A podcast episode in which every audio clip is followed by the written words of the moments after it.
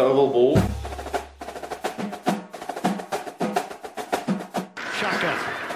Murray out of the pocket. Seven seconds. Six seconds. Murray heaves it downfield. It is. Oh, it's caught. It is caught. DeAndre Hopkins. Miraculous. I play in the NFL. I think I play in the NFL. I think I play in the NFL.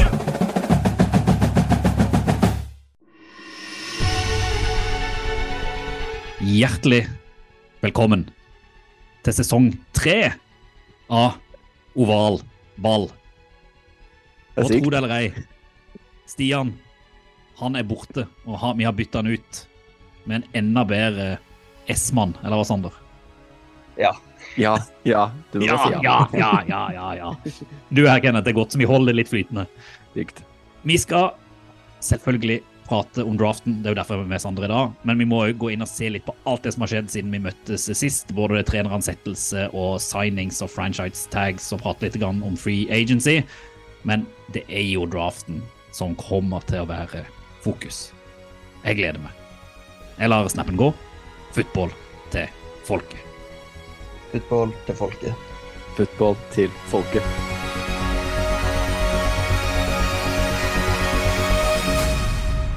Tenk det, her sitter vi. Tredje sesongen hadde jeg aldri trodd at vi skulle greie å få til, Kenneth.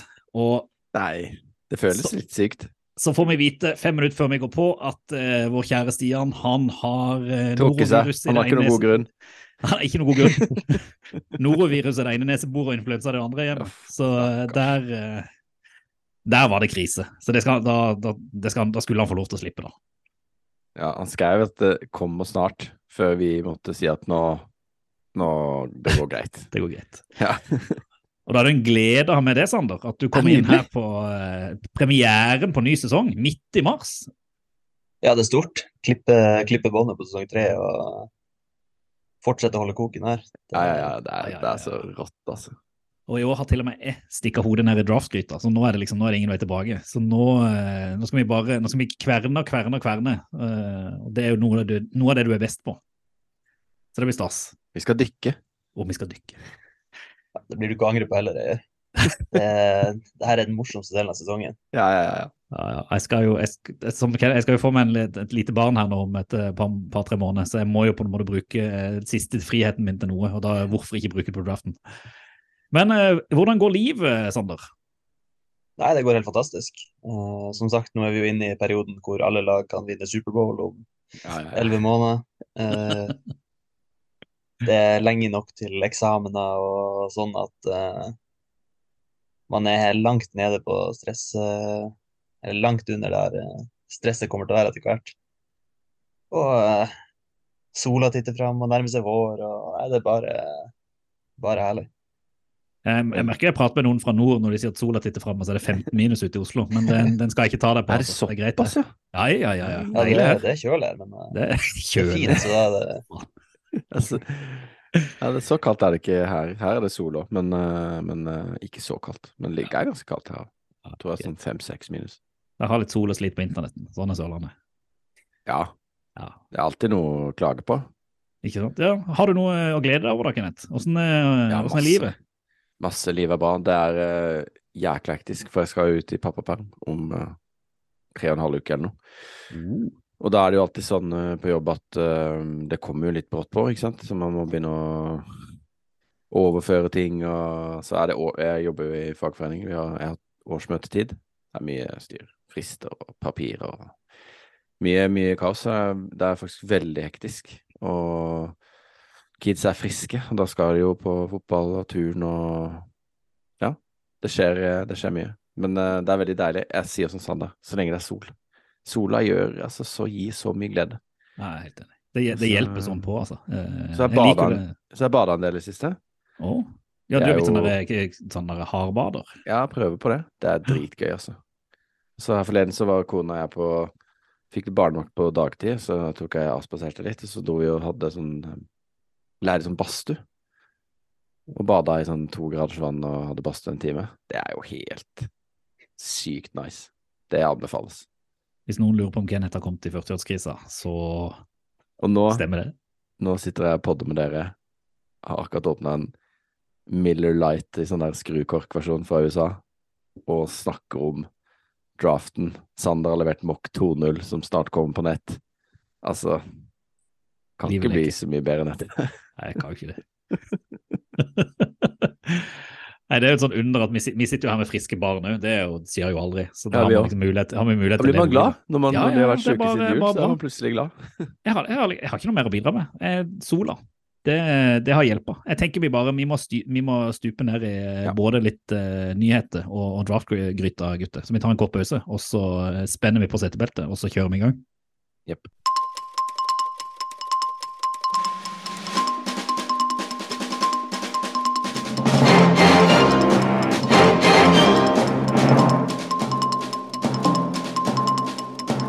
Som sagt, det nærmer seg draft. Vi skal ha litt fokus, litt fokus, vi skal ha masse fokus på det både i dagens sesongåpning og utover uh, våren. Men uh, det har jo skjedd det har, vært, altså det har skjedd så mye siden sist vi prata. Uh, så mye at det er ikke vits å prøve å oppsummere alle nyheter. De fleste som hører på oss, tror jeg allerede har fått det med seg òg. Men én ting som har vært en føljetong, som ble vel avslutta for noen uker siden, det var at eh, skal man si, en fjerdedel av NFL virka det som, skulle ha ny hovedtrener. I tillegg til at skulle jeg si, enda flere skulle ha både koordinatorer, offensive og defense, og eh, det var ikke måte på. Eh, så det jeg har lyst til å spørre deg først om, da, eh, Kenneth, jeg kan gå til det, det først. Eh, jeg kommer ikke til å sitte og liste opp eh, alle treneransettelser, eh, for da tror jeg vi vil sitte her i et kvarter mens jeg bare leser. Men jeg vil jo gjerne at du skal plukke ut hva, hva kan jeg si, de topp tre eh, treneransettelsene som du eh, syns eh, fortjener en mention her i, her i podden, og litt hvorfor. Og så vil jeg gjerne at du skal i hvert fall peke på én som du ikke tror på i det hele tatt. Det skal du få lov til, Sander, men jeg tenker jeg gir stafettpinnen først til, til den og så kan du slakte den etterpå. Ja, eh, det er veldig mye å gripe fatt i. Jeg syns jo ikke akkurat headcoaching hiresene var liksom så voldsomt spennende. Jeg, hvis jeg skal trekke frem noe som jeg har tro på, så må det være Demico Ryans. Eh, først og fremst fordi han kommer hjem, har vært defensive rookie of the year i Texans, kjenner på en måte organisasjonen. Um, og virker som en skikkelig stødig fyr. Uh, så det har jeg, det har på. Um, ellers så har jeg også fryktelig troa på Kellen Moore som OC i Chargers. Såpass, ja. ja. Ja, fordi han er liksom uh, Han liker å kaste ball, han liker å big place, og det, det føler jeg bør harmonere med, med Herbert sine skills, da. Jeg tror de Mm. er sånn match made uh, in heaven. Og det tror jeg er en av de ansettelsene vi kommer til å merke størst forskjell på. Ja, Jeg tror det der kan løfte det offensive fra å være random og, ikke sant? ja, til at det blir fort veldig, veldig bra.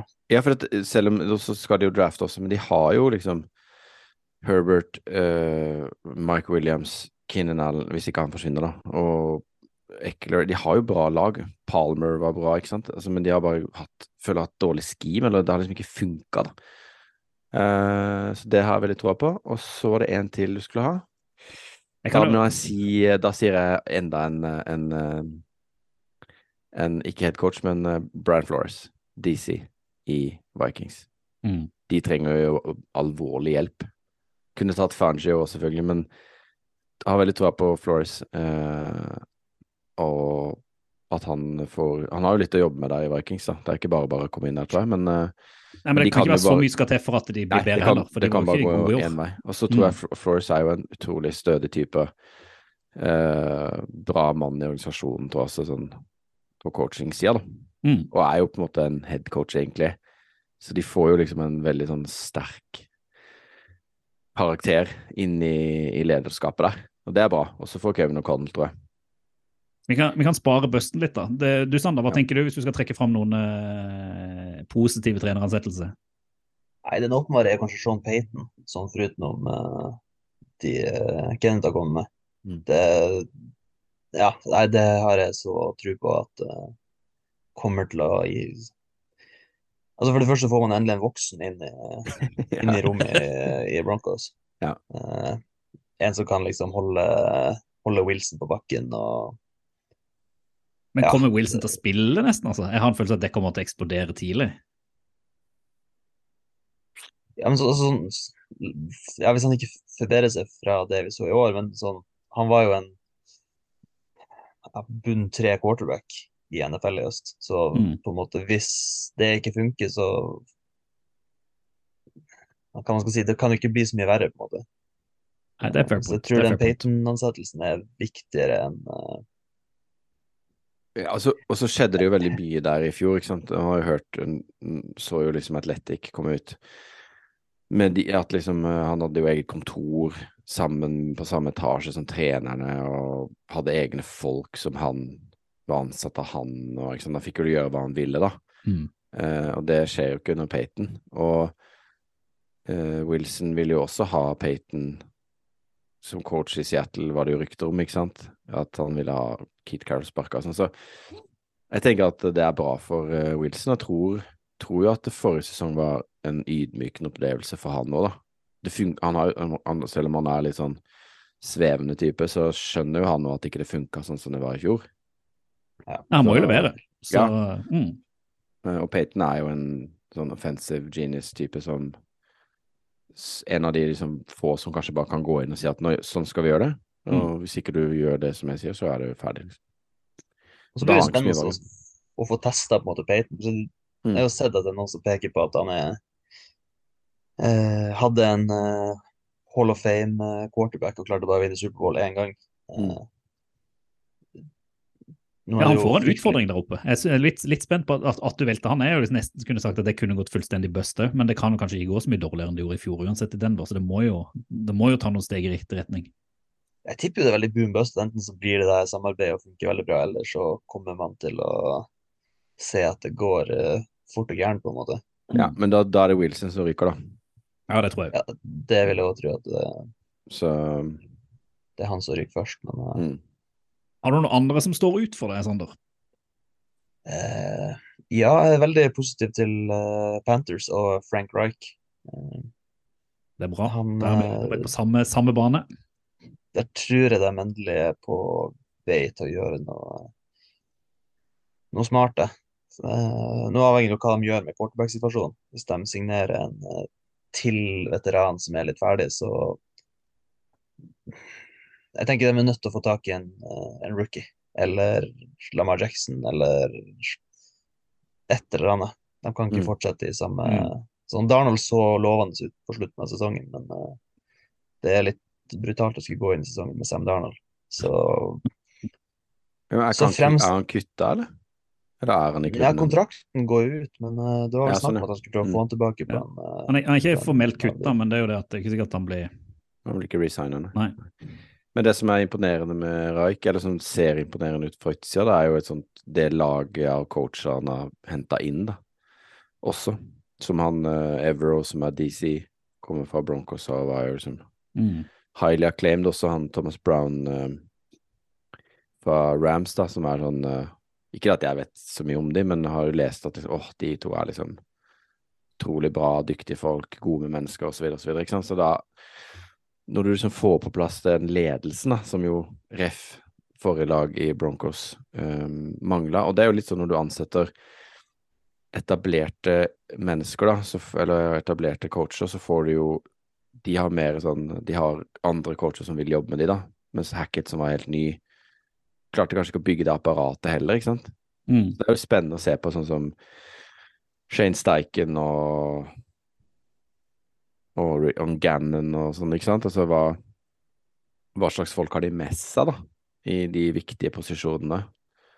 Eh, vi syns jo på en måte at eh, Dan Campbell har klart å bygge opp en bra bra gjeng oppe i, oppe i Detroit der, men, eh, men det er ikke liksom alle som Ikke alle som er Dan Campbell. Nei, og jeg syns også det virker som Brann Staley har slitt litt med det, da. Ikke Mm. sant? At uh, liksom han som var hos de der i fjor, funka ikke helt, men liksom Jeg har ikke fått det helt til å stemme sånn i, med skimen og hvem, hvem han har rundt seg, da. Så det er jo Det er Spennende. spennende. Ja.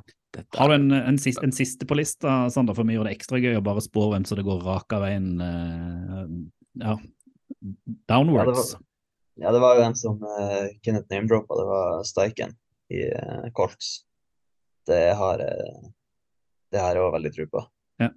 Kommer fra Siriani og har vært med på å bygge opp et Eagles-lag som har vært uh, på mange måter det beste i NFL, selv om det ikke ble Superbowl-seier. Uh, jeg tror det kan bli kjempebra. Det er jo allerede noen spennende profiler på plass på Colts-laget, og hvis de gjør dem i posisjon til å kunne velge omtrent hvem de vil i draften.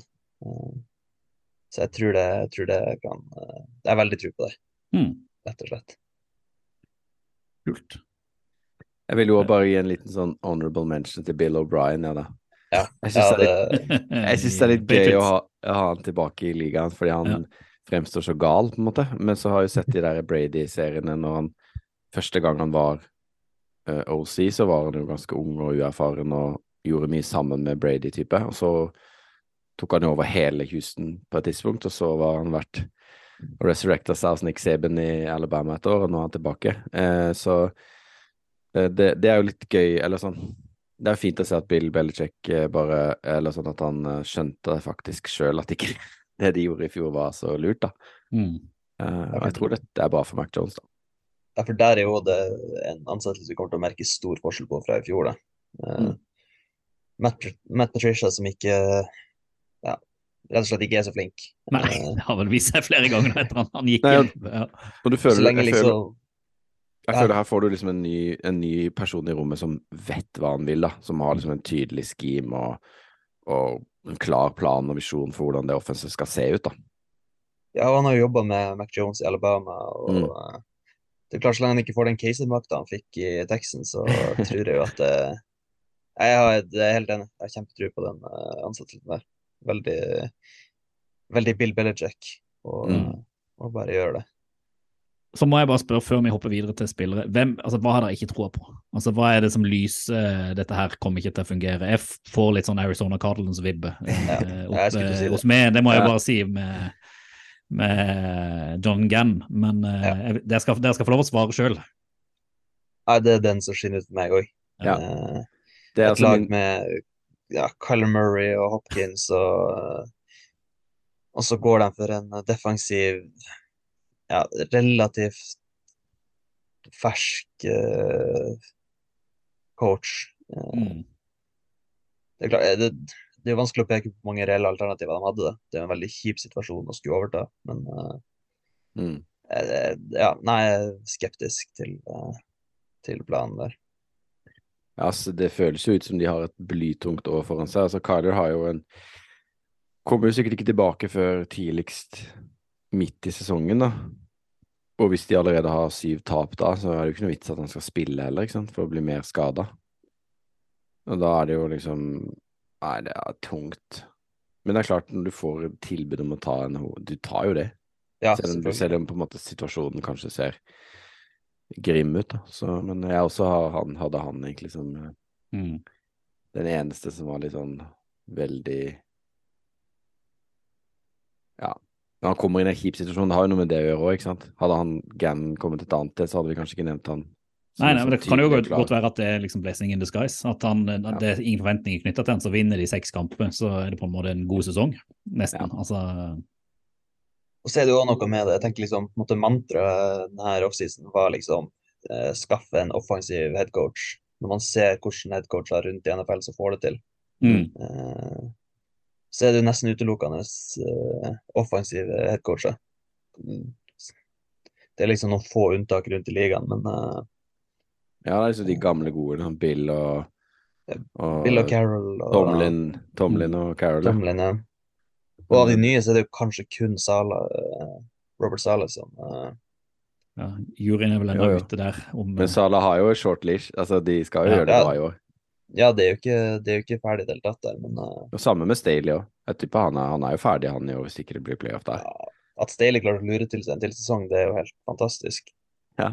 Uh, Men, eh, nesten beundringsverdig. Ja. Men hvis, hvis de går til playoff nå, så er jo Kellen Moore headcoach et annet sted neste år. Ja, kanskje faktisk i Chargers. Mm. Ja, ikke sant? Du hørte det her først. Ja. Men da, da, Vi kommer til å prate mye om trenere, men da hopper jeg fra trenere til spillere. For det som har kanskje vært det gøyeste i offseason, sånn utenom da eh, draften, er jo at det, har jo, det er jo alltid så mye spekulasjon om eh, hvem går hvor, eh, hvem blir signert hvor, hvis de blir, ikke blir signert der, hvor går de da, hvem blir franchise-tagga, osv. videre, Og så har det skjedd veldig mye de siste dagene. Så jeg tror bare jeg skal, jeg skal gå gjennom la oss si, de hovednyhetene, og, og så syns jeg at vi skal bare plukke opp hva vi tenker er viktig å prate om. Og en av jokerne som har vært uh, diskutert i offseason, den er jo sånn halvveis landa med at Lamar Jackson har fått franchise-tag, men ikke den eksklusive, så han har mulighet til å kunne forhandle med andre lag. Uh, så den er liksom ikke Den er litt løst, men ikke helt løst. Uh, så går vi videre til altså kan vi ta Jacksonville Jaguars. De har jo uh, signert tre spillere. Uh, Evan Engram, Titan, han har de gitt franchise-taggen. Den er heller ikke eksklusiv. Og så har de gitt kontrakt til CJ Bettard som backup til Lawrence. Og defensive lineman Roy, Roy Roberton Harris, uten at det trenger å bety så voldsomt mye. Eh, Josh Jacobs, running back i Raiders, har fått uh, franchise-taggen, uh, interessant nok. Uh, etter han ikke fikk sin 50-year option, var det vel i fjor eller noe. Så, men han kan jo da handle med andre, den er ikke eksklusiv. Sammen med Tony Pollard i Cowboys. Og så kommer vi til kanskje det som var den største nyheten. Det er at uh, Secon Borkley har fått franchise-taggen fordi Giants ga Daniel Jones en fireårs 160 millioner dollars deal som quarterback. Eh, og den, den, må vi prate litt om etterpå. Eh, I tillegg så har Commanders eh, tatt eh, Darren Payne på franchise-tag. Eh, og så skal, vi, skal bare Den siste store, store nyheten, eller vi har to store nyheter, det er jo da at New Orleans, New Orleans Saints signa Derek Carr til en fireårskontrakt. Ti millioner mindre enn Daniel Jones, 150 millioner. Eh, så han har jo da gått fra Raiders. Og så har Gino Smith signert en treårskontrakt på 75 millioner for Seattle Seahawks. Så en del av quarterbackene er nå satt. Sander, jeg spør deg først. Hva syns du om det Giants har gjort? Um, uten å ha sett strukturen på kontrakten, så slår det meg som en stor tabbe av Giants. Det tenker jeg òg. Det, jeg, jeg, jeg, jeg, skjønner, jeg skjønner ikke uh, jeg, skjønner ikke helt tankegangen bak uh, fire år til Daniel Jones. Uh, jeg, tror, hvis... tror, det var, så vidt jeg skjønte, så kunne de komme ut av den etter to med sånn rimelig æren i behold, på en måte. Ja, ja ok, for det er jo veldig viktig. At hvis de kan kutte han mer eller mindre uten spesielle kostnader etter to år, så kan jeg stille meg bak den. Eh, på en måte. For de får ikke tak altså Alternativet er at de hadde ikke fått tak i så mye bedre i år. Eh, men fra neste offseason eller neste draft eh, så må det være rimelig å anta at de hadde fått inn noe bedre. Men dette føles også litt som langt, litt sånn langt unna det han egentlig krevde, vel, sånn pengemessig. Du vet, som jeg, jeg hørte når det var på Combine og sånn. Han krevde liksom opp mot 45 i år og sånn. Ja, så de har jo kommet sånn sett greit ut av det, men uh, Det er ikke så langt ifra, da. Franchise tag 35. Det er ikke så mye som er sånn guaranteed, eller sånn, det er mye guaranteed selvfølgelig, ja. men ikke alt av 160, tror jeg. Men gjør men, de det? Ja. Men ikke sant, de gjør, altså, spørsmålet var her at man alle var jo enige om at det, det blir enten Daniel Jones eller Sequan. Eller sånn sett da, hvis de franchise-tagger Jones, så ryker Sequan. Og her er de på en måte, de har greid å hanke begge to inn. Det overraska meg litt. Grann, uh, at de jo valgte den veien. Hva tenker du? Var litt, uh, akkurat det der var litt gøy òg, når du hørte, du hørte pressekonferansen med uh, showen. Som antyda veldig at det var ikke opp til Giants om uh, Saquon kom tilbake, det var opp til Daniel Jones. Han måtte bare si ja til det jævla kontraktsforslaget. Å oh, ja, det fikk jeg ikke med meg. Det er kult. Det er, Men nå har de jo, det er jo ikke eksklusivt, så, ja. så de kunne jo signert begge to, på en måte. Ja. Mm. Den er jo billigere, den, er ikke det? Så Ja, den er billigere. Og... Mm. Altså, ja, jeg tenker Jeg er vel på en måte enig i at det føles som en tabbe, men samtidig så har de jo Viser jo at de tror på Dable, da, tenker jeg. Ja. At det liksom Jeg tror ikke de hadde gjort dette med forrige regime, på en måte. Altså, jeg vet ikke. Dable fikk jo ganske mye ut av han i år, og det første året Få på noen nye wide receivers nå, og så par år å jobbe med han, liksom. Ja, jeg regner med Dable hadde noe å si her òg. Mm. Ja, det tror jeg. At, Det virker jo eh, veldig sånn når de tar begge to, at han vil ha dem. Ja, altså, Altså- altså- jeg får jo tro at Shandar Shone og, og Dable har et godt samarbeid. De kommer jo begge fra Bills, liksom. Altså, de kjenner hverandre fra før, og så videre. Jeg vil tro det. Også, altså, som sagt, så lenge den kontrakten ikke knytter dem opp økonomisk i mer enn to år, så, så, er, det, så er det lettere å, å stå bak den, på en måte. Ja. Mm. Eh, Da, helt impulsivt, terningkast på den fra Giants, uh, Kenneth. Uh, nå sa jeg jo bare enig med at det var en stor tabbe, da. Så har jeg lyst til å trille fire, så nå er jeg jo selvmotsigende. Men jeg tenker jeg triller fire. Og du, Tror på Sander, hva Dable- du? jeg tror på Debil, ja. ja, jeg, litt tilbake fra stortall, men jeg sier tre. Eh, de har på en måte gjort, treer. gjort noe helt greit. Da må jeg kan jeg si, Det var vel ingen overraskelse at uh, Seattle uh, signa Gino, så den tenker jeg vi ikke trenger å prate sånn kjempemye om. Uh, uh, og så var det kanskje ikke noe overraskelse heller egentlig at Baltimore to Lamar på franchise-taggen, men det er litt interessant det at den ikke er eksklusiv. At det her er det, det er igjen en sånn der ubestemmelighet i organisasjonen om skal vi committe, skal vi ikke. Altså, Hva tenker dere om det? Det føles sånn det er sånn at De har gjort en løsning, men de har egentlig bare utsatt det igjen. Ja, altså, det det virker som, og som jeg har sett spekulasjoner på, er om det her er NFL-eierne sitt eh, motsvar til det Browns gjorde i fjor, med å punge ut uh, garanterte penger på Deshaun Watson. Eh, Mm. For de, Rapportene som kommer nå, er jo at uh, flere og flere lag er uinteressert og trekker seg fra forhandlingene med Jackson. Mm. Ja. Så om Det den hørte jeg her ikke-eksklusive er at de skal slippe han ut på markedet og la han få nei rundt omkring sjøl, til at det han ber om er Altså, han skulle gå til Browns, da. Det er kun dem som er gærne nok til å tilby han det han vil ha. Mm. Ja. Mm. Men Det er jo interessant, da. Men jeg tror Tror du ikke det er sånn at uh, hvis han ikke hadde vært skada i to år, så hadde de signert han? Ja, At han liksom ikke har altså fullført De to sesongene har han på en måte ikke klart å fullføre, da. For han er jo en av de beste i Jeg tror jeg, jeg hadde ikke gjort det på denne måten hvis jeg var GM. Jeg hadde gitt han pengene og, satt, og hatt han i fem år, liksom. Altså, bare Han er jo så vanvittig god. Ja, men det er, jo, det er jo det som er litt eh, konflikter i det, at hvis han Nå vet vi ikke hva han ber om, men hvis han Nei, nei. ønsker mesteparten garantert, så er det Ja. vanskelig å Altså, han har jo samme Han har jo samme beinbygninger som oss, på en måte. Han er jo Han er jo fryktelig Ikke helt jeg Ja, han- nå, han jo- det, altså, altså, nå, nå føler jeg meg tøffere når jeg blir sammenlignet med Lamar, men uh, ja. Nei, men sant, Han har jo ikke samme massive fysikken som Josh f.eks. Eh, Mm, nei. han, hver gang han tar en hit, så er det, det er skummelt. Eh, og hvis du da skal knytte opp fem år med mange, mange millioner, Ja så Men det er klart, det jo et sjansespill fra Ravens, da. Eh, Ja, og Ravens, Ravens er så gode. Ja, ikke sant. Så for Ravens, da, så er de veldig gode. De har jo et veldig godt lag, så om de har Tyler Huntley, så de jo, kan de jo nå playoff likevel, fordi at det er litt sånn som med de og med med, med Steelers og med New England. Altså, de, de soper inn noen seire uansett, på en måte. Sånn at de vil jo aldri kunne på en måte være in contention for De får jo aldri plukke han uh, Caleb Williams neste år, eksempel, eller Quinn Ewers, eller hvem faen det måtte være de neste åra, for de kommer jo aldri kommer jo aldri til å ha number one pick, og da når de har kommet over dette, som jo er en diamant, liksom, som de fikk De tok jo Hayden Hurst før Lamar Jackson i den samme draften. Ikke sant? Det, det gir jo ikke noe mening når man ser på det etter, i ettertid.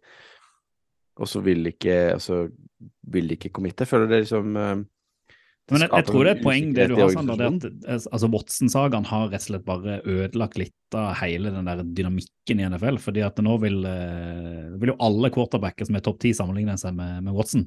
Mm. Uh, og ingen av organisasjonene er vel egentlig villige til å kanskje punge ut den, uh, Vi får se nå, den summen. Ja, Det er jo spennende se å se hva som skjer nå videre, med hvem som trenger quarterbacker og kan gå inn og forhandle. Ja, og så Burrow skal jo ha kontrakt nå. Mm. Ja, det er skikkelig Det er avgjørende for, eh, for QB-markedet hva som skjer nå. Mm. Hvis Altså jeg, vil, jeg tipper nok at de fleste eierne ser på det som en seier hvis Ravens får han på den ikke-eksklusive taggen.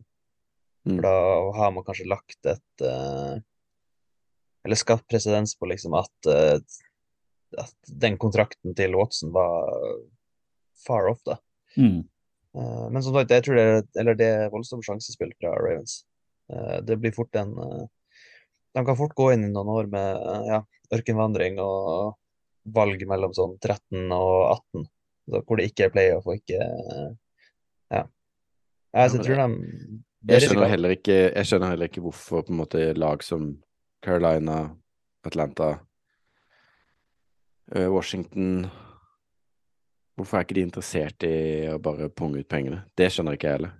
Det er jo så mye penger i den ligaen, det har jo ikke noe å si, liksom. Det er samme som vi skal snakke om etterpå, hvorfor Mm. jeg mener at Anthony Richardson skal gå som nummer én. Ja, det, nå må du Jeg skal, jeg, men jeg bare gir et lite frampek her. Det er sånn Ja, man gjør det i det. sånne sendinger. Dumme ting kan sies tidlig, og det kan sies seint, men det er greit. Men eh, en, eh, jeg skal ikke vi, vi kan hoppe videre, for det, det er én QBT som, da, som jeg nevnte har uh, landa, og som har vært en saga. Uh, og det er jo Derek Carr. Eh, som har signert en fireårsavtale med, eh, med Saints. Og jeg har vel hørt litt sånn ulike ting sagt der, at det er en bra avtale for han, og så er man litt usikker på om det er en bra avtale for Saints. Eh, hva tenker dere rundt at Carr går dit, og er det riktig sted eh, for han, og er det riktig quarterback for laget? Her kan du gå først, Sander. Uh, ja, altså, for det første så vet jeg egentlig ikke om Saints gjorde en stor oppgradering på quarterback. Eh, med tanke på at Dalton i, i fjor var overraskende god. Altså Problemet til Saints var ikke Andy Dalton. Mm. Og Dalton hadde jo krevd betydelig mindre penger enn uh, Carr. Og har ikke de en ganske heftig capspace? Altså, de, må, de sliter litt økonomisk med at de egentlig har for mye folk på kontrakt allerede. Eh, Saints, så vidt jeg har skjønt.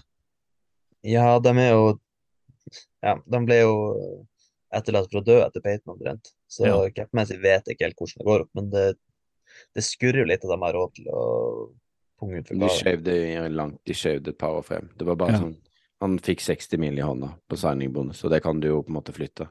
Ja. Eh, så, så det er jo greit. Men jeg syns først og fremst at dette er bare sånn. Det er jo litt kjedelig, da. Han er en kjedelig QB. Saints er jo litt kjedelig lag akkurat nå. De har jo Olave og Camara, da. Så det, altså det, det kan jo gå bra. Og de, den divisjonen er jo helt Altså Ja, han, For den divisjonen du kan lykkes i. de, Han er den beste quarterbacken i divisjonen. ja, ja, Ja. de har jo seks seire bare i, i divisjonen, på en måte, sånn at de går jo til playoff. Mm. Sånn at, eh, og da kan jo i prinsippet ganske mye skje da med, med de playmakerne de har rundt han, da, sånn på off- offense. da. Så, men så er det trenerstaben, alt er liksom sånn ah, vet ikke. De, de får ikke blodet til å bruse, på en måte. Nei, ikke sant? Nå gjør ikke CJ Better det heller, men jeg vil bare nevne det, liksom. QB2, 4,5 mil, to år. Han gjør ingenting, liksom. Lawrence skal jo aldri sitte på benken. Han blir jo aldri skada heller. Han ble jo delt i to i fjor, og det skjedde gikk jo helt fint, det. Så det det er jo bare helt kanon, liksom. Bare sitte med paden og cashe inn to og en halv, to mill. i året, liksom. Elsker QB2-rollen. Jeg vet det. Men uh, det er jo fryktelig smart av Derek Carr å gå til NFC. Ja, ja. Komme seg vekk fra uh, han skal i playoffs, kan hende at han møter ja, Dino? Gino Smith, og det er ganske Ja. ille, liksom. Mm. Eller John Love. Ja, og, eller- og den Eller Kirk divisjonen. Cousins. Mm. Ja, ja, ja.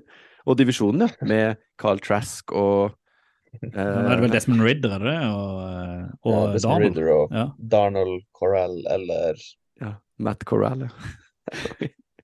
Ingen av de kan jo starte. Jeg så noen Bucks hadde skrevet at eller så, ja, Carl Trask er vår mann, liksom. Jeg bare, Ja. kan går, går ikke an, det, vel? Ja, da velger de først neste år. Ja, kanskje det er det som er målet. Men eh, jeg må jeg må én sånn ting som ikke er avklart ennå, eh, og som vel må få en ende snart. da. Men, og det er jo, For det, det føler jeg er den siste dominoen som får resten av QB-markedet til å liksom rullere der det skal. Eh, og her må jeg spørre deg, hva skjer med, med eh, Herregud, nå står det stille, vet du. Aaron Rodgers, Aaron er Rodgers. Jeg skulle si Aaron Donald, så tenkte det blir ikke riktig. Her er det et eller annet som ikke stemmer på tunga. Eh, hva skjer med vår kjære Jeopardy og Darkness Retreat-konge? hva tror du? Nei, det måtte jo en hva heter ayahuasca-trip til for at han skulle gå til Jets, da, Mm. virker det som. Mm. Eh, tre-fire dager i vill rus på ei hytte ute i mørket, da Var det ikke bare på et hotell i New York, da? Det kan godt Altså, Men, nei, det er spennende. Men, men han var jo-. Ja, var han ikke observert nå med, i samtaler eller noe sånt? Jo, Jo, det var det jeg.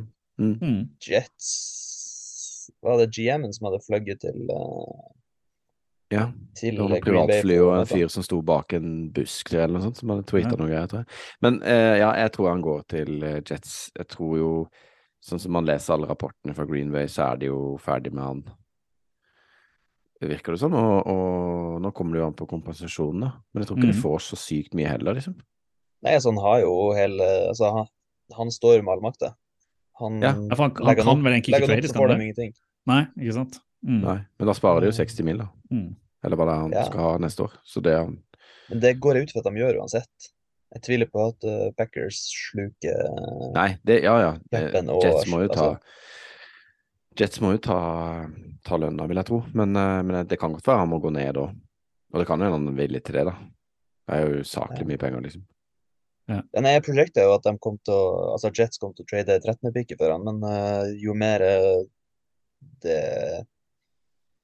Ja, det gjorde de på den PFF-mokken jeg hørte på i går òg, at de liksom tenkte det. Og det følte jeg var litt men høyt, da. Ja, men jeg tror ikke de gjør det. Jeg tror som sagt at Roger sitter med så mye makt at eh, at han kan få det til at Jets beholder 13. valg, og de om så gir et andre- eller tredje rundevalg. Mm. Og så, eh, Mm. Og så kan jo hende at på en måte fått noe. de kan jo få en sånn type Ok, hvis Jets går til playoff, så får de en andre runde neste år, eh, og eventuelt en tredje runde hvis ikke det blir playoff, eller et eller annet sånt, da. Mm. Sånn at de er litt sikra litt lenger frem i tid. Men jeg tror jo virker som Packers har lyst til å spille med Jordan Love, når du så hørte han Gudkunst sa på Combine, at he needs to play, sa han bare. Så Så da, Eh. da ser det ut Da satser vi på at Rogers eh, havner, i- havner Jets. hadde vært så gøy, da. Det blir jo Mm. konge bare å lese alt om det og følge det der hele offseason. Se han i New York-markedet. Og, og ikke minst det er bra for Zack Wilson. Eh, Ja. Min mann, Mm. som uh, egentlig er død og begrava. Ja. Men uh, da, kan, da er det håp. Tenk for et det comeback han det hadde vært. Ja. Jeg hadde i sesong én her hvor jeg hadde et eh, dypt og ærlig forsvar for Sam Darnold, så jeg vet hvordan du har det, Sander. Det, det er heftig. Ja, jeg- Siste, ja. Siste ting jeg vil bare spørre deg veldig veldig kjapt om, eh, før vi går over i draften. For Free Agency det starter da eh, 15. mars. Man kan forhandle fra 13. mars, så vidt jeg har skjønt. Jeg vet ikke om dere har tenkt på det, men altså, er det én signing dere ser må, må skje? Hvem er det som må eh, bli signa eh, til noen? Om dere har noen kjappe tanker rundt det før vi hopper over i det vi egentlig skulle prate om. Eh, tida flyr jo, eh, draften. Har du noen tanker, Sander, der eh, som du ser eh, liggende? Uh, akkurat nå uh, Orlando Brown til Chicago Bears. Det, det Oi. må skje. Ja, Det er jo Kult. De har cap. Han er beste tacklen, argumenterbart. Og ja, hvis det Hva som skjer i kan at det, Hva gjør. Kansas da? Drafter de igjen, da? Ja, de har jo- ikke franchise-taggene, så Ja, så han går. uansett. Mm. Ja, han går uansett, ja. mm. Da er Bears laget til å betale han altfor mye penger som han ber om, og samtidig ikke lide så mye av det. Ja, de trenger han jo òg, på en måte, så Ja. det passer jo som hånd i hanske, det. Mm. Eh, nei, altså, jeg har faktisk ikke noe på top of mind, altså. Nei. Eh, jeg syns jo at uh, Eagles bør resignere Javon Hargrave, ja da, men uh, det ser ut som han går. Og hvor går Jimmy, da? Kenneth, hvor går Jimmy? Ja Jimmy G. Han blir vel, da. Ja. Starter for San Francisco. som man har gjort de siste tre årene. Først lag med tre QB-system. Få inn ja. Eh, Purdy, Lance og Jimmy G. Ja. ja. Nei. Vi, vi, kommer tilbake til Free Agency senere denne måneden. Nå tar vi en kjapp pause, og så skal vi endelig få lov å prate om det vi egentlig kommer for å gjøre. God aften.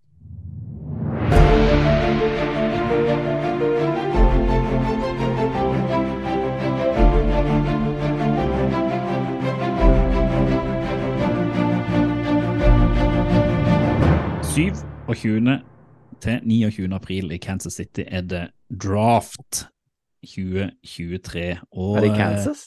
Hæ, det er Kansas. Ja. Konge, da. Det er ganske morsomt.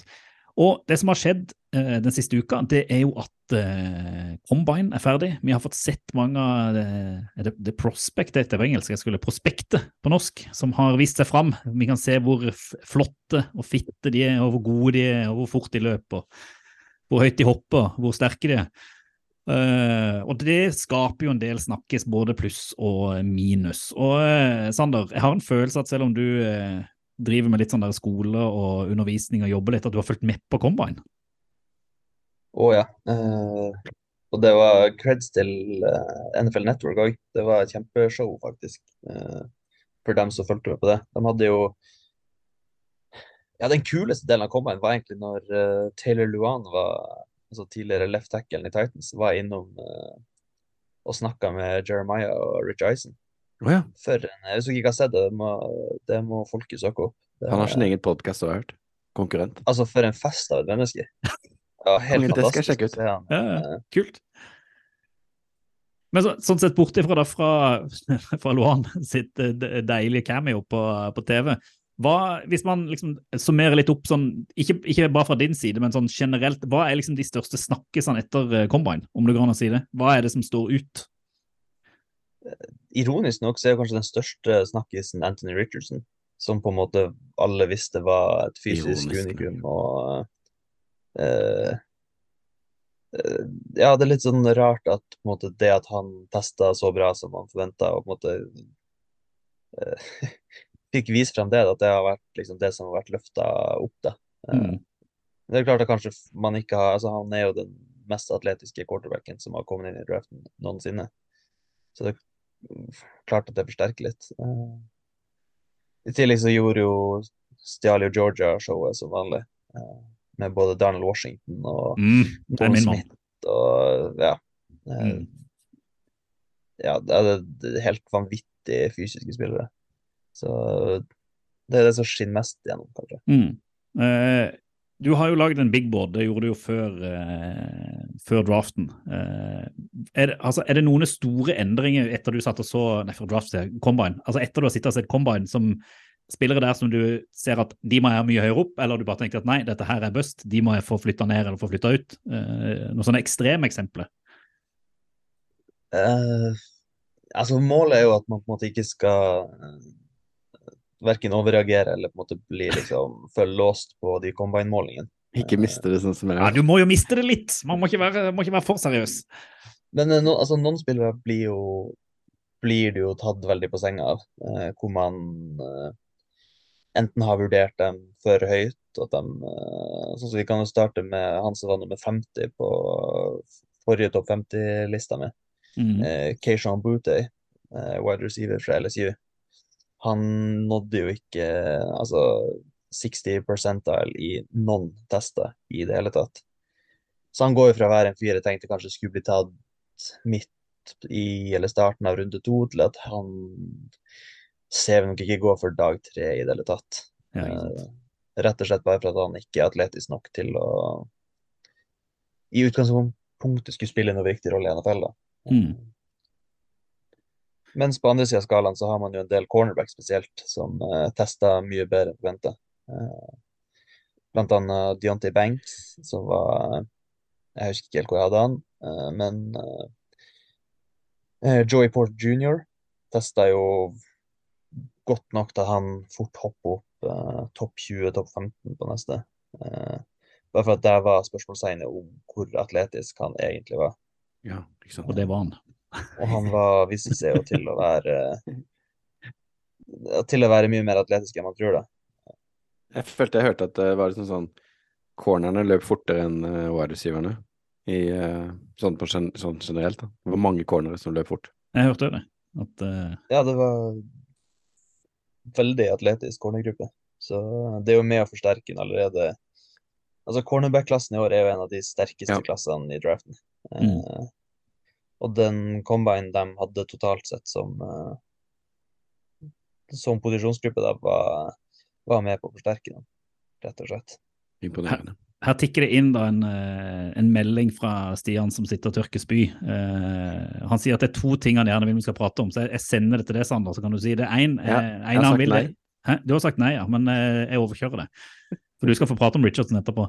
Nei, Det ene er han liksom sitter igjen med at tight end-klassen er ekstremt solid i år. Spørsmål. Og nummer to, kan du prate om uh, en, jib en jigba, er det? Jason. Smith, en jigba. Uh, de to vil han gjerne at uh, det skal komme noen mentions om. Ja, nei, Vi kan starte med Titan-klassene. Det er òg en, en av de beste klassene i draften. Og Det fikk vi se bl.a. med Darnell Washington, som Ja, det må folk bare gå inn og se noen høydepunkter fra hva han leverte. Eh, Men Burde ikke han egentlig bare spille tackle, Sander? Han har, det er mye mer penger å spille tackle enn å spille tight end. Ja, det er det. Altså, hvis han, og det er jo flere som har spekulert i at han kan komme har inn sånn som eh, Også, han har jo de føttene og de hendene og den kroppen og Og han er en fenomenalt god blokker i tillegg. Ja, ja. Eh, Så altså, hvis han legger på seg ja, 30 pounds, så vil han jo være en uh, superatletisk uh, Ja, starting tackle. Det er mye gøyere å se han som tight end, da. ja det er klart. Altså, det beistet der, hæ? Det er jo det vi må håpe på. Altså, Ja. han, er jo, han er jo en enhjørning, rett og slett. så hadde han en sånn vanvittig one-handed catch på combine òg, hørte jeg. Mm. At han liksom Han har, han har liksom C-fans, da. Det er gøy, da. Ja, det var liksom krona på verket at han bare avslutta tight end-øvelsene med å gå opp og plukke med i han. Og, ja, Ja. nei, han er ekstremt atletisk. Og, ikke sant, og, og han var jo mange Mange hadde nok som tight end 4 òg, før eh, draften. Eh, Der du har annet Michael Mayer, som bare fikk eh, vist fram allsidigheten sin i combine, og som kommer til å gå inn og bare ja, være en bunnsolid uh, y tight end i, i NFL. Mm. Og så har du jo min favoritt uh, tight end bak Washington, Luke Musgrave. Det var godt at han var bak Washington, for nå begynte jeg å lure. Ja, ja nei, Men det beste tight enden kommer jo neste år, da. Eller kanskje året etterpå. Han er andre i, fra Georgia. Han, Ja, for- Bro Brock Bowers. ja, og det er jo det morsomste at uh, Washington har vært nest beste tight end i, Ja. uh, i laget sitt på college. Det er så sykt. Georgia, altså. Men, men altså, er det sånn, jeg ser jo mange spekulerer i det at liksom Skal man ta en Er det noe vits å ta en tight end høyt når du ser verdens beste tight end, Kyle Pitts, liksom ble tatt høyt, og det er jo ikke sånn at han har på en måte tatt helt av. Han gjorde det, han var jo leverte jo 1000 yards som rookie. Det er jo vil å jeg si er ganske å ta av som tight end. Kanskje han bare spiller på feil lag. Der ble du arrestert, Kenneth. Det var deilig. Jo, men liksom var han, jo, men jeg har sett det narrativet der, men han, han hadde jo en, klart han hadde jo et downår nå, da. Uh, litt skadeplaga og spilte med Mariota og eh, Han har jo ikke hatt beste forutsetningene for å lykkes heller. Det er ikke noen tvil om det. Mm. Det er det som er litt spennende i år, da, med den uh, tight end-klassen man har, da. Uh, Mm. At Det er klart, hvis du tar Washington i runde én, så kan jeg skjønne det, for den spilleren finner du ikke ellers. Eh, da får du noe helt unikt. Unikt, ja. ja. Mm. Det liker de. Unicorns, Ja. som de snakker om hele tida. Altså ah, ja. folk som er, liksom, har en helt spesielle Det er litt sånn Drillo. Som Ja. har spiss, altså spisskompetanse. Ikke sant? ja, ja, virkelig. Hvis Og det er, det er jo litt sånn NFL er, da. snakka med en kompis om det hvis Darnell Washington hadde endt opp i Niners. Det hadde jo ikke vært noe morsomt for NFC i det hele tatt. De kunne rulla ut med Kittle og eh, Washington og Juszczyk. Altså, det hadde jo Laget hadde jo Det måtte ha dispensasjon til å spille med en ekstra spiller bare for å kunne stoppe det. Ja, de hadde bare løpt ned folk, ikke sant. Å, det. Ja, det, så det er spennende å se hva med, Eller det er spennende å se med de andre spillerne. Eh, hvis du Mm. ja, i slutten Mm. av første runde dropper å ta enten Mayer eller Kincaid eller Musgrave, som er liksom de som er spådd å kunne gå der, det, Mm. og heller sikte på en, eh, en av de andre tendensene i slutten av andre runde, f.eks., som også er veldig god. Eh, Mm. Både Mm. Sam Laporta i, eh, i Iowa og Jeg har hørt det Jeremiah var veldig sånn gira på. Ja, og i eh, for eksempel klassen i fjor, så tror jeg da hadde han som tight end 1. Eh, jeg trodde jo egentlig han skulle gå inn i draften i fjor, men så valgte oh, ja. han jo å returnere Mm. rett før. Um, så ikke sant, at man at, Med tanke på hvor dyp og god den tight end-klassen er, at det kanskje ender opp med at mange, mange av dem faller langt, og at lag kan sitte igjen med verdi, da. Mm. Mm. Også et, et, lite, et lite ord om en Jigba. Hva tenker du, eh, er han VR1? Uh, ja, etter draften så er han fort det for meg. Mm. Uh, jeg hadde jo han og Quentin Johnson rett attmed hverandre uh, før Combine, én plass imellom. Men eh, jeg tror man har glemt for mye Altså, man har glemt for mye av det, siden han ikke har spilt denne sesongen. Ja. Han er bare Man så jo på de agility-testene at uh, han har jo noe som veldig få andre har når det kommer til ja, kroppskontroll og retningsforandringer. Og, uh, så selv om han ikke nødvendigvis er den raskeste på en 40 yard dash, så Altså, han kommer til å løpe seg fri i NFL. Mm. Uh, hele tida. Jeg kom på han til Amon Rasin Brown. Uh, Ja.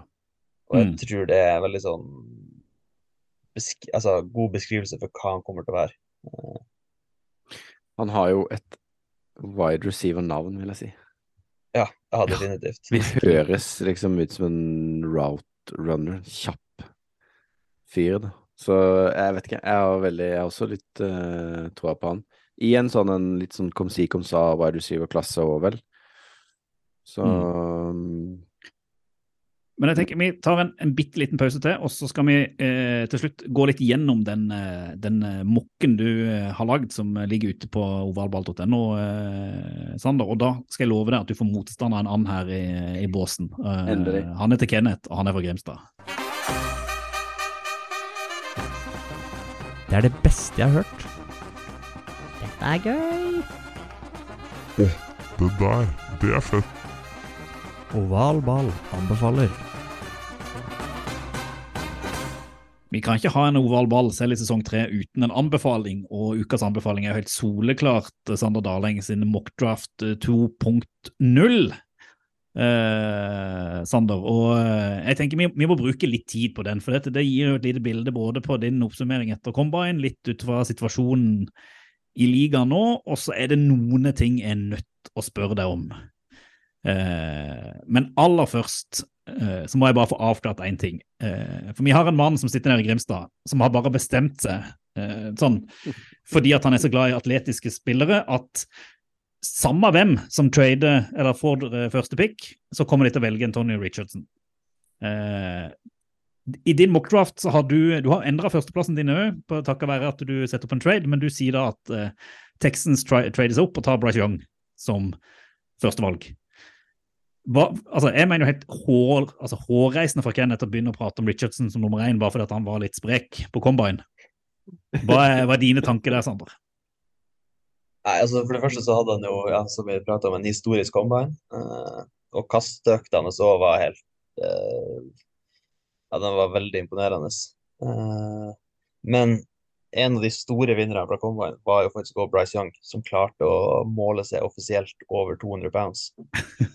Det er så bra da- at, du, det er en seier. Faen, du er tung nok, gutt. Ja, det og det, det er jo det som er så Hvis Bryce Young hadde vært 6-2-3 og veid 215 pounds, hadde han vært eh, den beste quarterbacken vi har sett komme ut av college, i konkurranse med Joe Burrow. Uh, Mm. mm. Og da tror jeg nå når han fikk vist at han kan komme seg opp på en uh, akseptabel uh, spillstørrelse, da, så tror jeg han uh, ja, jeg, jeg skjønner ikke at noen skal bomme så hardt at de ikke tar han først. Hvorfor skal noen bomme så hardt, Kenneth? Fordi at eh, jeg, jeg er jo enig med Jeg er for så vidt enig i den mokken så frem til at Houston Texans går opp til én, så tror jeg de tar Bryce Young. Det tror jeg bestemte seg for for lenge siden. Men eh, Anthony Richardson, han er symbolet på noe helt annet, ikke sant? Altså hvis Og det, det tenker jeg Min tanke er Colts. Eh, Colts eh, har henta Shane Steichen, de bygger helt nytt. Både han og en eventuell ny quarterback kommer til å få tid. Steichen har gjort en kjempejobb med Jalen Hurts, som også løper ganske bra. Men uh, dette er jo en helt Dette er noe annet, på en måte. Richardson. Han er et unikum, uh, og så sier ja, du kan ikke chase the unicorns osv. Jeg har hørt masse podder og sånn om det. At, uh, at han ikke kan gå nummer én. Men jeg mener Colts, da. Ok. Trade opp. hive vekk et par førsterundevalg etter dette neste år, komme seg til nummer én, ta Richardson, ikke sette tilbake. Tre år senere, greit, funka ikke. Da har de number one pick igjen, da. Da er det bare å ta Queen Years, da.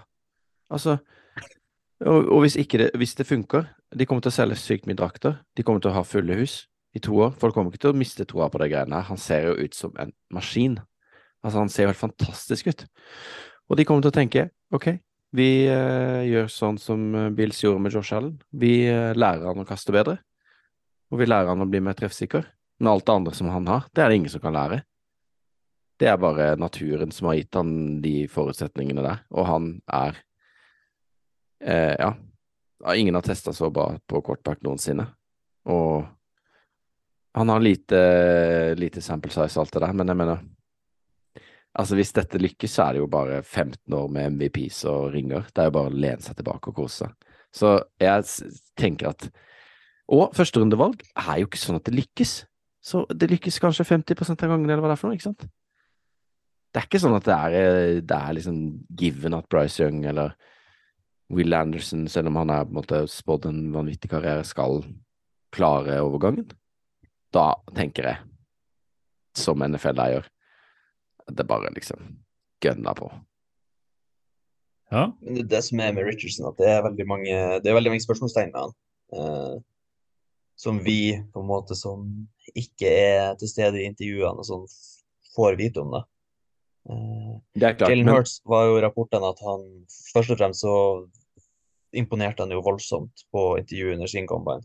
mm, Uh, mens jeg så Lance Searline hadde vært ute og tweeta nå at uh, det han hadde hørt, var at den generelle uh, det generelle inntrykket av quarterbackene i år var at de var helt OK på intervjuene. Mm. Og at eh, Anthony Richardson var, hadde visst kommet ut som at det var overraskende hvor lite han visste sånn eh, på tavla. da. Eh, så kan man jo Mm. lure på hvor det kommer fra. Eh, De som vil stjele han. han har jo ikke spilt kamper.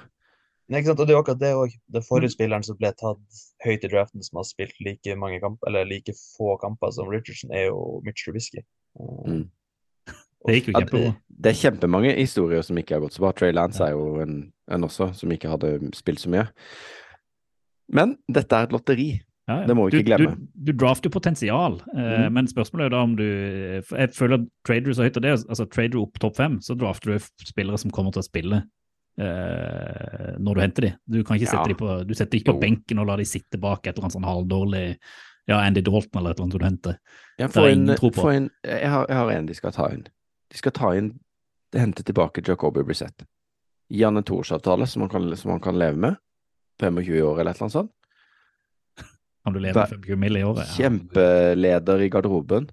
Utrolig fin type som man leser om, på en måte. Og har gjort hatt denne rollen før. Er Kjenner Colts, kjenner organisasjonen. Kjenner Chris Ballard. Er en mentor. Ja, ja, ja. ja, ja. Altså, du, du, du har bestemt deg for at Colts skal ta Richardson. Det er greit, det, Kenneth. Eh, hvorfor tar Colts Will Lewis, som du sier, Sander? Nei, på samme grunnlag som Er egentlig Kenneth mellom Richardson. Han er jo ikke klar, han heller. Uh, nei, det er han ikke. Jeg tror det er en tabbe å ta Will Levis eh, på fjerdevalget. Men uh, eh, Det han lukter er- Carson altså, Wentz lang vei her. Ja, det stinker Carson Wentz. Eh, men han er, en type, han er en type spiller som eh, Chris Ballard. ja, sånn, ja. eh, Av Levis, ja. Ja, eh, skjønte du det nå? Ja, det tok litt tid, det. Ja, ja, ja, ja.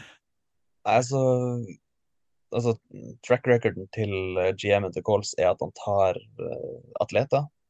Uh, Mm. de som er innenfor uh, kan man si, nåløyet i posisjonene. Og, altså, han drafter jo potensialet. Eh, men jeg tror Nå de, gir du bare argumentet til Kenneth der. at de går for Levis i stedet. eh, Ja. På bakgrunn av at han er en, eh, pop-up, eller, han er en mer eh, NFL-klar quarterback. Eh, og at det, altså Hvis ikke det går, som du sier, så velger de høyt neste år igjen og kan ta Kan ta en, eh, en spiller høyt i den draften. Om det er yours eller Ja, kommer yours, kommer Yours ut neste år? Nei, gjør han det? Jo, det er vel Yours, Williams og Jeg husker ikke navnet på han som er Ja. North Carolina er jo også ganske Så da kommer Yours til å spille nå, så er det Archie Manning neste år på, på eh, Texas, da. Det henter ikke de han nå. Det blir jo helt Mm. konge. Det er syv år frem i tid eller noe, men det blir gøy, det. Den, Ja, det ja, er ja. Men number one pick, nå, ass. nå, nå konsentrerer vi oss om i år, Kenneth, før du er fullstendig Ja, men altså, jeg, jeg tror kanskje Det er ikke sikkert at ikke hvis, hvis på en måte ikke Indy har noen følere på at Richardson kommer til å gå før fire, så gidder du ikke å trade opp for å ta han på, på eneren. Det Det er bare, jeg. altså, Colts har liksom ikke Altså, Colts er liksom en av de lagene som kanskje ikke er på plass til å kunne håndtere Richardson, på en måte. Nei, men jeg føler Ursay har på en måte blitt galere og galere de siste åra, da. Og da tenker jeg liksom at nå, er det på, nå kommer han til liksom å Nå er det bare sikte på stjernene, liksom. Han er på blitt mer og mer aktiv i eierskap og liksom Ja, det kan hende at det, det kan at det, altså, lag tar jo dårlige beslutninger hele tida. Men dette er jeg, tror, jeg, jeg tror Ja, det men det er tar enige om. Hvis de tar, hvis de tar eh, Richardson. For at Richardson er nesten avhengig av å sitte et år bak en Ikke en Jacoby Brissett, men kanskje en uh, Jared Goff eller Gino Smith, eller hadde vært helt ideelt. Ja, og det er jo en eh, Seattle har jo nummer fem. Ja. Ja. Bolts har jo liksom likt i mange år å ta gamle hvite menn eh, til å stå bak der som quarterback, så det er jo en uh, miljøforandring å gå for en ung, eh, atletisk uh, afroamerikaner isteden, Uh, som gir noe helt annet nå. Jeg ser den, men eh, vi, lar Richardsons ligge. Den kommer til å returnere, skal jeg garantere deg, i hver eneste sending, både før draften og etter draften, eh, fram til Kenneth eh, innser at han tok feil. Jo, men bare sånn, altså for å si det sånn altså, eh, Sander har jo Richardson til Vegas på nummer sju. Ja, ja. Så så langt unna er vi jo ikke å være enige om at han kommer til å gå høyt. Ja, han, altså, han kommer til å gå topp ti. Ja. Det, Ja. det er bankers. Men han kommer han, ikke til å gå topp én. Han kan fort gå før, uh, før sjettevalg også. Mm. Uh, han kan gå før Levis òg. Han kan gå før Levis òg. og litt artig den med Levis til Kols, det var visst at eh, det var en eh, det var en observasjon fra Combine at uh, Colts-maskotten har fulgt etter Levis rundt i uh, på øvelsene og intervju og eh, Syk, syk ting. Ja. Åh, det er så kule, kule, kule stories. Et par spørsmål til må jeg spørre. Jeg anbefaler jo absolutt alle eh, gå inn og sjekke eh, ovalball.no og se den eh, draften din. Nei, draften sier eh, mokken. Eh, for der er det ganske mye, mye spennende, og det har kommet en del endringer siden sist. En, den største endringen som jeg ser liksom bare når jeg sitter og kikker på nå, det er hvor i bøtteballetten er det blitt av Jalen Carter? Eh, Ja, nei, han endte jo opp med å skli ut av den mokken, rett og slett fordi Fra førsteplass og ut. Det er, en, ja. det, er en, det er en endring. Hvorfor tar du, Mener du at den, den der uh, speedinga hans i, har så mye å si? Altså, det er jo, det er jo en, en råkjøring med, som endte i dessverre eh, død for to En medspiller og en coach. Og sånn, jeg, det er kanskje litt sykt å si, men det verste i det her er jo egentlig at han har løyet til politiet ved gjentatte anledninger. Eh, Som klart det er jo et eh, Det var jo litt sånn rykter inn etter, eller mot eh, ja, mot draftsesongen egentlig at han var Mange som lurte på om han var litt umoden. Eh, Mm. Mm. Og det er jo klart at det skal man være litt forsiktig med å si, kanskje, men han på en måte, setter jo to streker under svaret på det, eh, når man hører hvordan eh, han har gått fram i tida etterpå det. Eh, så det er jo det, det er jo kjempeskade på karakteren hans at, Mm. at det viser seg, da. At han har gitt falsk forklaring. Mm. og så er det jo vanskelig å Jeg tenker jo at NFL har Eller ja, hvis Browns hadde drafta første runde, så hadde han sikkert gått. Men Altså, jeg, jeg husker ikke hvor langt det var Laramie Tunsil falt etter at han hadde blitt like ryk, eh, rykkende eh, en marihuana. gassmaske. Ja. Ja. Så jeg tenker jo at uh, en som uh, uh, ja, Ja. tar livet av to mennesker eh, Ja, men han hadde vel ikke hadde, han, han hadde vel ikke kjørt den bilen uforsettlig, da. han hadde liksom vært Eh, med på hele opplegget, eller noe sånt. Mm. Eller vet ikke, men eh, det var Han har, råkjørt med dem, på en måte, så han er ikke Ja, ja, ja, absolutt. En helt veldig grov sak. Og jeg skjønner jo godt at du slipper han ut, men, mm. men eh, jeg, tror han går, jeg tror fort han går i første likevel. Men det kommer litt an på liksom, Ting er veldig sånn uavklart akkurat nå, da. Ja. Men det er jo Mm. en halvannen måned til draften, og da kan det hende at Ja. At det er jo akkurat det. mm, Og hvis, hvis det ikke er noe klarhet inn mot draften, så spørs det jo om det er noen som tør å Mm. drafte en spiller man ikke vet om kommer til å Kanskje et av de lagene med to picks i første runde. Ja. M Muligens. Det... Siste jeg bare må, må spørre for vi har, jo litt, vi har jo fått våre favorittspillere i draften allerede. Jeg tror alle vet hvem som er Kenneth sin, så den eh, har jo satt, og det, han satt jo til, til Raiders på, på syvende valg. Eh, Stian sin eh, kar, eh, en Jigba, har du òg med i første, første runde. Han er vel ikke VR1 eller VR2, eh, men du plasserer han hos Ravens. Eh, hvorfor er det en god fit? eh, nei, først og fremst fordi Ravens ikke har receivere. Eh, Godt svar. Ja, Eh, nei, det ble litt tilfeldig. Altså, sånn, på en sånn som det er, så eh, Så er det noen spillere som faller. Eh, jeg tror jo Quent Quentin Johnson, som har så gående som VR1 pga. på grunn av både testing og størrelse og litt det som kanskje teksten ser ut etter, eh, gjør at de tar han foran en Jigba. Mm. Eh, og så er det mange lag eh, imellom der og Ravens som Jeg tipper jo det er rundt det 21. valget når Chargers skal på klokka, at vi begynner å se kanskje et lite run med receivere. Ja. Eh, og da var det Her tar jo Chargers en tackle i stedet. Får erstatta Bulaga. Og eh, Ravens får da tatt litt sånn kanskje som eh, her kan det jo bli en liten sånn Justin Jefferson-situasjon fra den draften. At kanskje Chargers reacher for en uh, spiller som kan strekke banen, en Jalen Hyatt eller Safe Flowers, eller uh, noen med bare ekstrem fart. Og så ender det opp med at den beste receiveren uh, detter i fanget på Ravens i stedet. Uh, Nice. så jeg tror det er en spennende suite, rett og slett. Jeg syns det ser ut som en utrolig spennende suite. Og så eh, må jeg bare si, jeg har jo, som dere sikkert har skjønt, jeg har jo en, allerede en enorm forkjærlighet for Darnell Washington. Og når jeg ser at du plasserer han hos Buffalo Bills, jeg kan jo ikke bli mindre glad i han da. Det, det høres ut som en helt perfekt fit. Tenk hvor deilig å se han der i det offense med Josh Allen. Så det håper jeg nesten på. Ja, jeg, det er jo nesten drømme Sånn foruten om at Bengals da må møte han, så, eh, ja. så jeg, det hadde vært kjempegøy å se han der. Eh, rett og slett. Men eh, jeg har en annen jeg vil spørre deg om, og det er Jeg er jo en running back-elsker. og du har Bijan Robinson til Eagles på 17., noe du skriver selv som anser som usannsynlig. Men du vil se Hurts og Robinson sammen. Eh, det kan jeg være enig i, men eh, hva, hva tenker du om han Robinson? Kan han gå, liksom Hvor høyt kan han gå?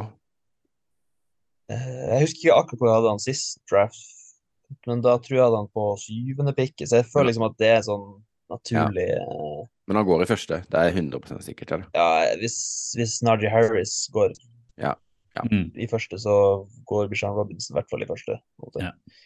Eh, han er helt ekstrem. Eh, han, er han kan gå alt fra topp fem egentlig til slutten av første. Det, det blir jo spennende å se, da.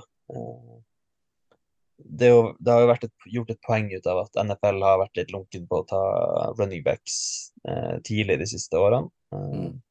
Men jeg tror det for at det har liksom ikke vært noen sånne typer running backs, da. en gikk jo andrevalget. Mm. Ja, ikke sant. Han er jo forrige, da. Og så har det vært mange år på rad etterpå hvor, eh, Mm. hvor det ikke har skjedd. Men ikke sant, Bijan Robinson er jo er jo ja, veldig, veldig lik da. Eh, så jeg, jeg tror 17, og jeg tror ikke han når 17 egentlig. Eh, Nei.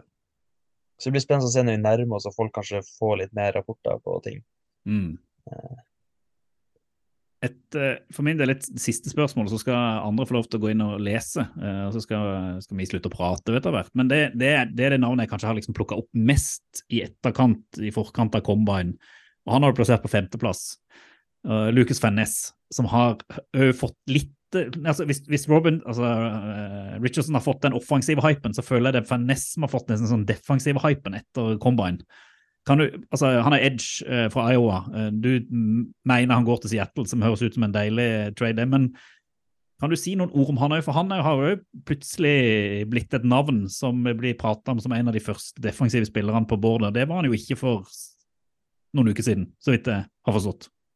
Nei, han har skutt, han har skutt til værs på draftboards rundt omkring. Eh, og han, egentlig, han fikk egentlig ikke så mye buss etter eh, draften. Eh, det var det jo Nolan Smith som egentlig stakk av med showet. Og, men uh, altså, Vanessa er jo ja, 30 pounds tyngre enn uh, Smith og sprang og sabla fort. og uh, Veldig imponerende atlet. Det som mange tror har vært skeptiske til, er at han har aldri vært starter Nei, det er det. på, på college. Men det går rett og slett ut på at Iowa sitt system de starter de eldste spillerne. Så, Ja, det hørte jeg jo noen sa. Mm.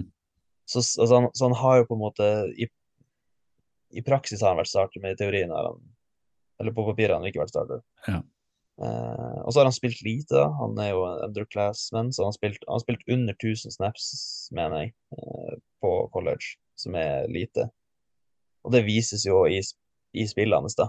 Eh, imponerende eh, power rusher og god eh, på det man kaller speed to power. da. At han rett og slett bare går inn i kroppen på tackelen og er, og er vanskelig å, å håndtere bare pga. fysikken hans. da. Mm. Eh, og så er det litt kult, han er jo ishockey, eller har vært ishockeyspiller. Eh, så det dukka opp et klipp under combine hvor han eh, bare dunka en fyr inn i vantet på, Det liker de, vet du. på ho hockeykamp. Ja, det er deilig. Jeg så klarte jo Pete Carroll òg, liksom, å uttrykke på uh, podiet hvor uh, voldsomt glad han var i eh, sånn multisportutøvere. Ja, ja. Så jeg ser for meg at en Vaness uh, Jeg tror det er en kjempebra spiller for uh, D-line til Seahawks. Jeg liker, jeg liker den. jeg liker den. Har du noe mer, Kenneth, før vi avslutter årets første draftprat? Uh, Nei, vi må ikke- Vi må ikke avsløre hele. Det er, jo, det er jo en del navn her jeg nesten ikke har hørt om. og eh, Stian og jeg og Reio jobber med vår uh, første mokk. Mm. Uh, vi lader opp til uh, konkurransen med, mot uh, pikkpreik, som vi regner med blir fortsatt i år.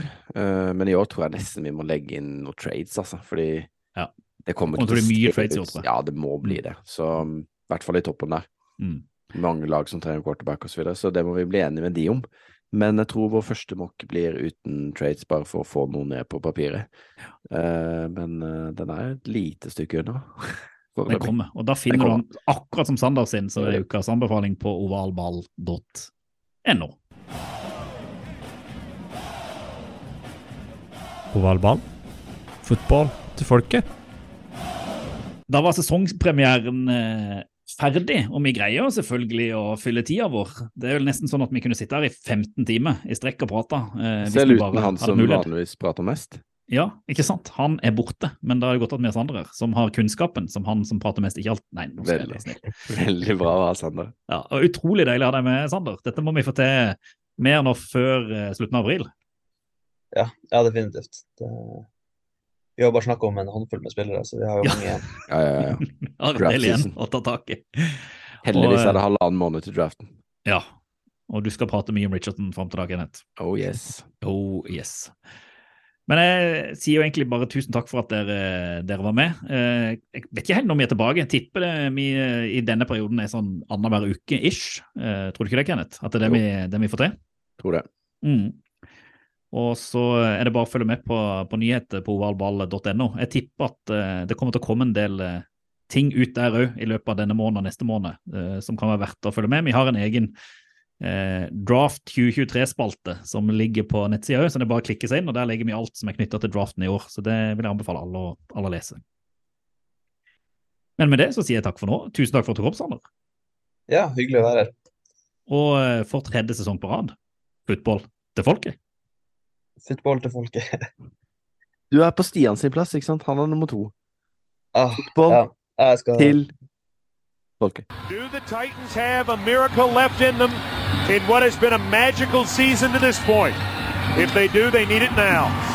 Christie kicks it high and short. Going to be fielded by Lorenzo Neal at the 25. Yeah, give it to- it back to Wycheck. He throws it across the field to Dyson. He's got something. 30, He's got something. 50. He's got it. 40, He's got it. 20, 10. He's got it. End zone. Touchdown Titans. There are no flags on the field. It's a miracle. Tennessee has pulled a